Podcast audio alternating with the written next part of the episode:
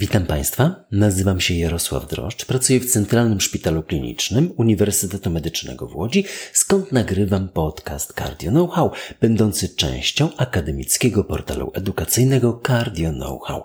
Jest on przeznaczony wyłącznie dla profesjonalistów i odzwierciedla wyłącznie moje osobiste poglądy.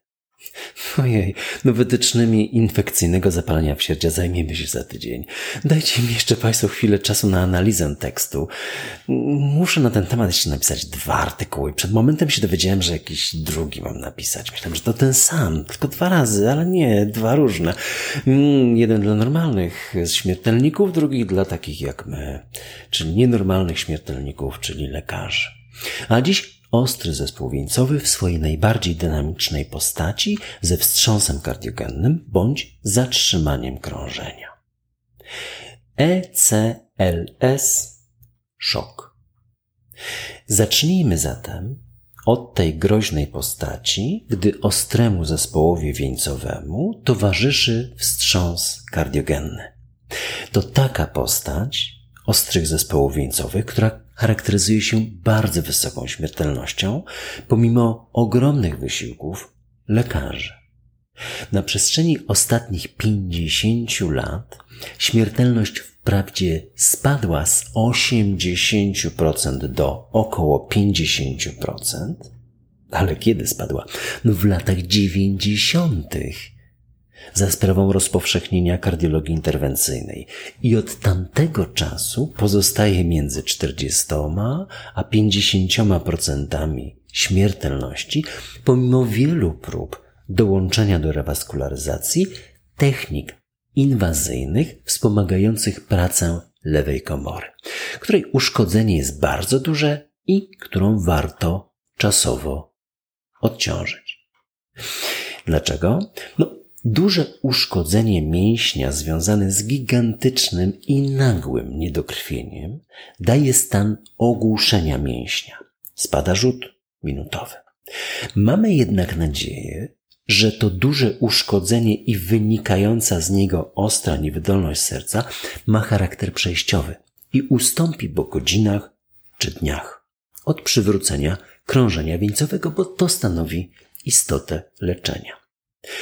I stąd koncepcję czasowego odciążenia serca jako pomby.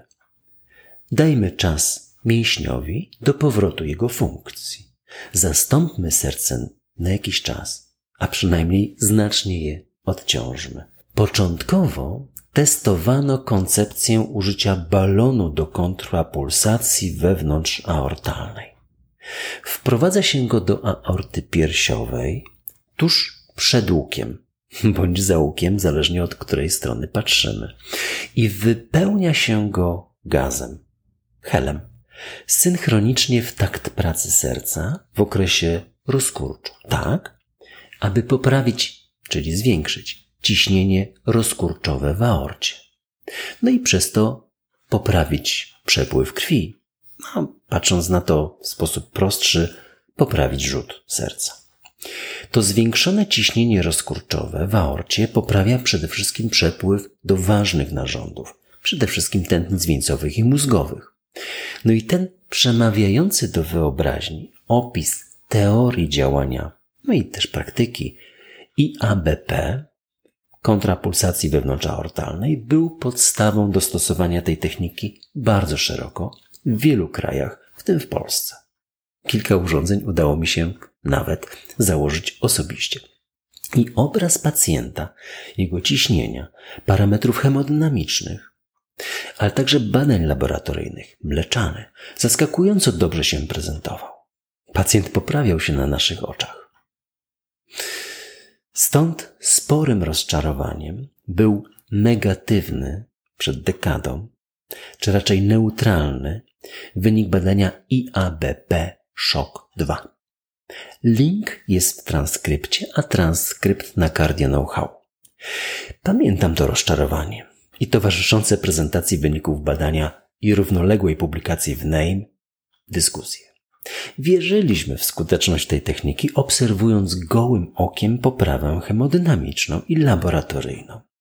No niestety, w grupie 600 randomizowanych do grupy do rutynowego stosowania IABP kontrapulsacji wewnątrzaortalnej lub nie, różnica liczby zgonów wyniosła 4 przy śmiertelności 40%. 119 zgonów po jednej stronie, 123 po drugiej.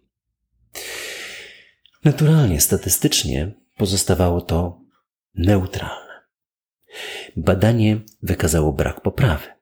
Co jeszcze bardziej nas zaskoczyło, nie zaobserwowano także poprawy parametrów laboratoryjnych, mleczanów. Jedyna grupa odnosząca poprawę to pacjenci poniżej 50 roku życia. No ale to zbyt mało, by można było zalecać tą technikę szeroko. Należy tu jednak dodać, że balony do kontrapulsacji wewnątrzaortalnej nadal mają szerokie zastosowanie i są zalecane w powikłaniach mechanicznych zawału serca. No krytykowano konstrukcję badania, ośrodki, no ale cóż, trzeba było przyjąć te wyniki. Tym bardziej, że później opublikowano obserwacje sześcioletnie tej podgrupy, która przeżyła ostry okres. No i nadal nie zaobserwowano różnic w rokowaniu. Ta śmiertelność sięgała wówczas dwóch trzecich, niemal identyczna w obu podgrupach. No ale identyczna też liczba ponownych zawałów serca, udarów mózgu, powikłań naczyniowych. No i na koniec, niemal identyczna jakość życia. Link do tej pracy w Circulation jest w transkrypcie. No dziś IABP nie jest rekomendowana w wytycznych, mając w Stanach Zjednoczonych klasę zaleceń 3 z poziomem B. Opublikowane przed miesiącem wytyczne europejskie, niecałym miesiącem, mówią dokładnie tak samo. 3B. IABP nie jest rekomendowane do rutynowego leczenia chorych z ostrym zespołem wieńcowym i wstrząsem bez mechanicznych powikłań zawału serca.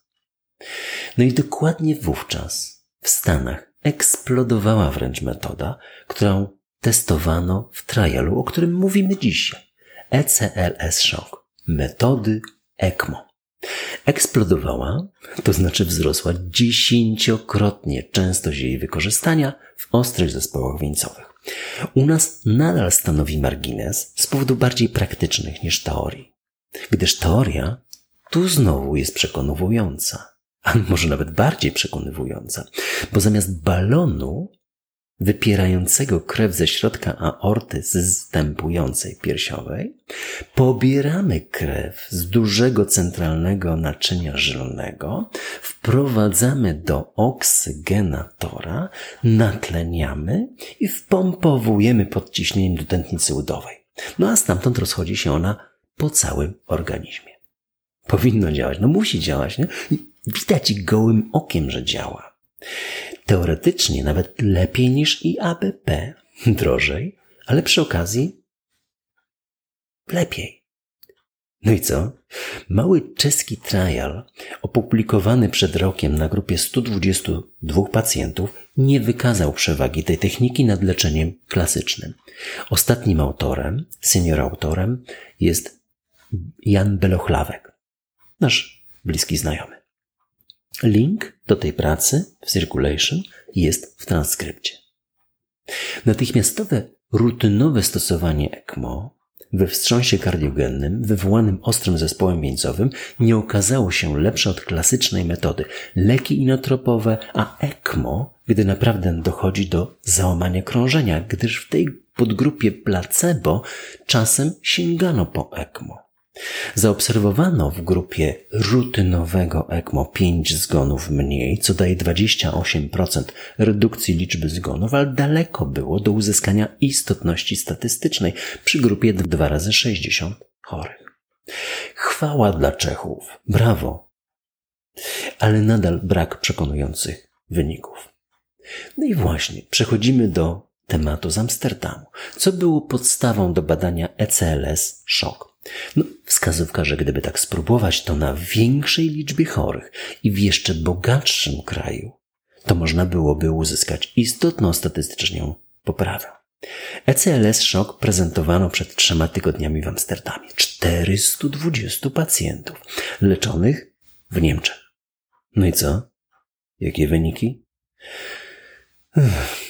Rozczarowujące. Dwa zgony mniej w grupie ECMO.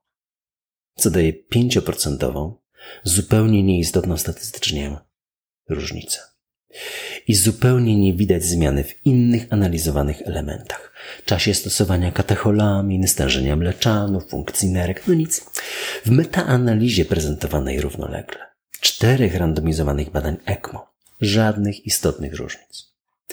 Nowe europejskie wytyczne wspominają o starszych badaniach i wskazują, że potrzeba jest lepszych badań. Właśnie je otrzymaliśmy. No i nadal niestety nic. Link do tej pracy w NAME jest w transkrypcie. Czy to koniec starań o naszych chorych we wstrząsie wywołanym ostrym zespołem wieńcowym? No nie. Nadal klasyczna intensywna terapia kardiologiczna ma zastosowanie, a powyższe metody IABP, ECMO nadal mogą być stosowane w wybranej podgrupie chorych. Na przykład mechaniczne powikłania zawału serca. Ale nie tylko tam. Tam także, gdzie doświadczony lekarz wskazuje na szansę powodzenia, ale nie rutynowo, gdyż to wprawdzie nie szkodzi, ale i nie przyniesie korzyści. Na przede wszystkim fundamentalną sprawą jest szybki transport chorego do ośrodka hemodynamicznego i błyskawiczna, perfekcyjnie przeprowadzona przez skórna rewaskularyzacja. Rzadziej operacja. Chyba raczej w tych warunkach tylko naczynia odpowiedzialnego za zawał, gdyż testowano także pełną rewaskularyzację i nie uzyskano korzyści. Culprit shock. Wręcz odwrotnie. Niższa śmiertelność i ochrona nerek towarzyszyła ograniczaniu się w tych warunkach wstrząs i ostry zespół wieńcowy do tego jednego odpowiedzialnego za zawał naczynia. Do rewaskularyzacji tylko tego jednego odpowiedzialnego za zawał naczynia. Link do tej pracy, Culprit Shock, też jest w transkrypcie. Name. Drugie badanie. Arest. Bo skoro o tej szybkości transportu mowa, to spójrzmy na wyniki badania Arest. Mamy pacjenta po nagłym zatrzymaniu krążenia, najpewniej w przebiegu OZW, ale bez fali Pardiego, bez uniesienia odcinka ST. Wybieramy szpital najbliższy czy najlepszy, choć leżący dalej. British Heart Foundation ufundowało grant i przeprowadziło randomizowane badanie w dużym, dużym mieście w Londynie. No, zerknąłem przy okazji. Ile jest szpitali w Londynie? No, samych szpitali NHS finansowanych ze środków publicznych jest 76. Tych, które uczą studentów jest 16. Mm, a wszystkich jest około 200. Jest w czym wybierać. Ten najbliższy przyjmujący chorych po nagłym zatrzymaniu krążenia, czy najlepszy dedykowany najcięższym przypadkom. Tych najbliższych było 28, tych najlepszych dedykowanych NZK 7, tak zwane Cardiac Arrest Centers. No i naturalnie pełna randomizacja chorych do jednego z tych klas, która jest jedyną metodą, aby odpowiedzieć, która, który sposób leczenia, która strategia leczenia jest lepsza. 431 pacjentów w każdej z dwóch podgrup. I 30-dniowa śmiertelność była identyczna. Risk ratio 1,00. A śmiertelność całkowita była wysoka, 60%.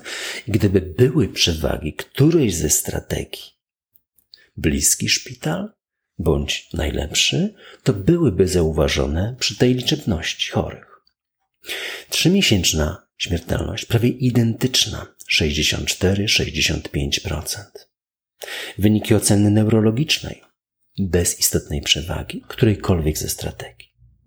Pracuję w dużym szpitalu i czuję czasem nasze przewagi nad ośrodkami mniejszymi. Odbieram telefony z takimi komunikatami, więc je przyjmuję za prawdę. Ale tu trzeba dostrzec bardzo dobre przygotowanie większej liczby ośrodków do leczenia pacjentów tuż po zatrzymaniu krążenia. Chwała lekarzom pracującym w mniejszych ośrodkach z gorszym wyposażeniem. Link do tekstu jest w transkrypcie, a tekst w lancecie. Więc co robimy po nagłym zatrzymaniu krążenia w non-STEMie? No wieziemy do najbliższego szpitala. Tak ja rozumiem te wyniki. Badania areszt. Później ewentualnie transport już w bardzo określonym i uzgodnionym celu. Ze wskazaniami pod kątem ukierunkowanego leczenia. Tyle na dziś. Czujecie Państwo niedosyt? Ja także. Chciałbym więcej i więcej wiedzieć spotykać się z Państwem, analizować fascynujące postępy współczesnej kardiologii. No ale wrzesień ma swoje wrześniowe prawa. Startujemy z licznymi projektami, spotykamy się. Przed momentem się dowiedziałem, że mam napisać jakieś dwa teksty, a mamy piątek. E, jeden tekst musi być niedziela rano. No, dziś, wczoraj Sporo rozmawiałem z panem profesorem Tomaszem Chryniewieckim, konsultantem krajowym do spraw kardiologii. Dzieje się i będzie się działo. Kardiologiczna sieć aż furczy. Mamy 800 chorych. Chyba jesteśmy na pierwszym miejscu. Coraz ze szpitali. Coraz więcej pacjentów jest leczonych w sieci. Coraz więcej kardiologów przekonuje się do nowoczesnej kardiologii. A czym jest nowoczesna kardiologia? Nowoczesna kardiologia, szanowni państwo, polega na tym, że my kardiolodzy skupiamy się na interwencjach i podejmujemy decyzje, a odsyłamy chorych do naszych bliskich przyjaciół z POZ, którzy stoją w hierarchii medycyny wyżej niż my. My jesteśmy specjalistami, czyli podrzędnymi elementami. To moja prywatna opinia. POZ jest na samej górze. To koledzy z POZ prowadzą pacjentów. Kochani kardiolodzy, lekarze POZ naprawdę potrafią znakomicie leczyć schorzenia z naszego kręgu serca i naczyń. Tych najcięższych ukierunkowujemy my na nowoczesne leczenie farmakologiczne bądź interwencyjne i zakończcie wizyty ograniczające się do przepisywania recept. Usiądźcie w poradni kardiologicznej, otwarci na pierwszorazowych chorych. Skróćcie kolejki. Zobaczcie swoich chorych po hospitalizacjach z niewydolnością serca, ostrymi zespołami wieńcowymi, wadami serca, ale odeślijcie ich szybko po stabilizacji do POZ, pozostając otwarci na nowych potrzebujących naszych interwencji i przepisujcie proszę potwierdzenia stosowania konkretnych leków u konkretnych pacjentów, bo to dla naszych kolegów POZ jest duże ułatwienie. Odsyłam w tym aspekcie do rozmowy z konsultantem krajowym, a link do tej rozmowy jest w transkrypcie. No właśnie skończyłem Stella Maris. Pewnie dlatego dzisiejszy podcast ukazuje się z kilkugodzinnym opóźnieniem. Cormac McCarthy, zmarły w czerwcu bieżącego roku, jeden z najwybitniejszych współczesnych pisarzy. Jego ostatnia powieść, opublikowana w Stanach przed rokiem, a wydana w czerwcu tego roku przez wydawnictwo literackie, tłumaczył Robert Sudu. Wyobraźcie sobie, że macie o 50-60 lat więcej niż dziś. No. Cormac McCarthy mm, doczekał dziewięćdziesiątki i doświadczenia macie i rozsądku także więcej o te 50-60 lat. I umysł jak brzytwa. I że umiecie pisać powieści. No i macie do tego cały działający warsztat. Co napiszecie, bom jest na cały świat publikowany. A nie macie już wiele czasu, gdyż zbliżają się wasze dziewięćdziesiąte urodziny i myślicie logicznie a macie wiele do powiedzenia. Więc co robicie? No piszecie najbardziej skondensowaną powieść, jaką można sobie wyobrazić. Bez akcji, bez opisu krajobrazu. Sama rozmowa tylko dwie postaci. I plejada znakomitych tekstów podsumowujących współczesną matematykę, przede wszystkim filozofię, ale przede wszystkim życie. Można się także dowiedzieć, jak się umiera tonąc. Oj, ten szczegółowy opis na kilku stronicach jest wstrząsający. Ta powieść naprawdę pożerze wam horyzont. Idziecie Państwo na wybory już za miesiąc. Gdyby ktoś z Was miał jakieś inne równoległe, a ważne zajęcie, dyżur, opieka nad dzieckiem, czy psem, czy jaszczurką, dajcie proszę znać. Zagłosuję rano Pojadę do was, zastąpię was na dyżurze, zajmę się dzieckiem, no w końcu wychowałem dwoje, no i dumny jestem jak paw. I zajmę się także psem, bo bardzo lubię ten zwierzaki. Zajmę się waszą jaszczurką, bo mam kilka w okolicy, a wy pójdziecie zagłosować. Idźcie proszę. Jeżeli Państwo będziecie mieli jakieś uwagi, komentarze, pytania, kierujcie na media społecznościowe Cardia Know-how. Będę też Państwu bardzo wdzięczny za promocję podcastów wśród lekarzy oraz komentarz, choćby jednym słowem i oceną. Slawa Ukrainii!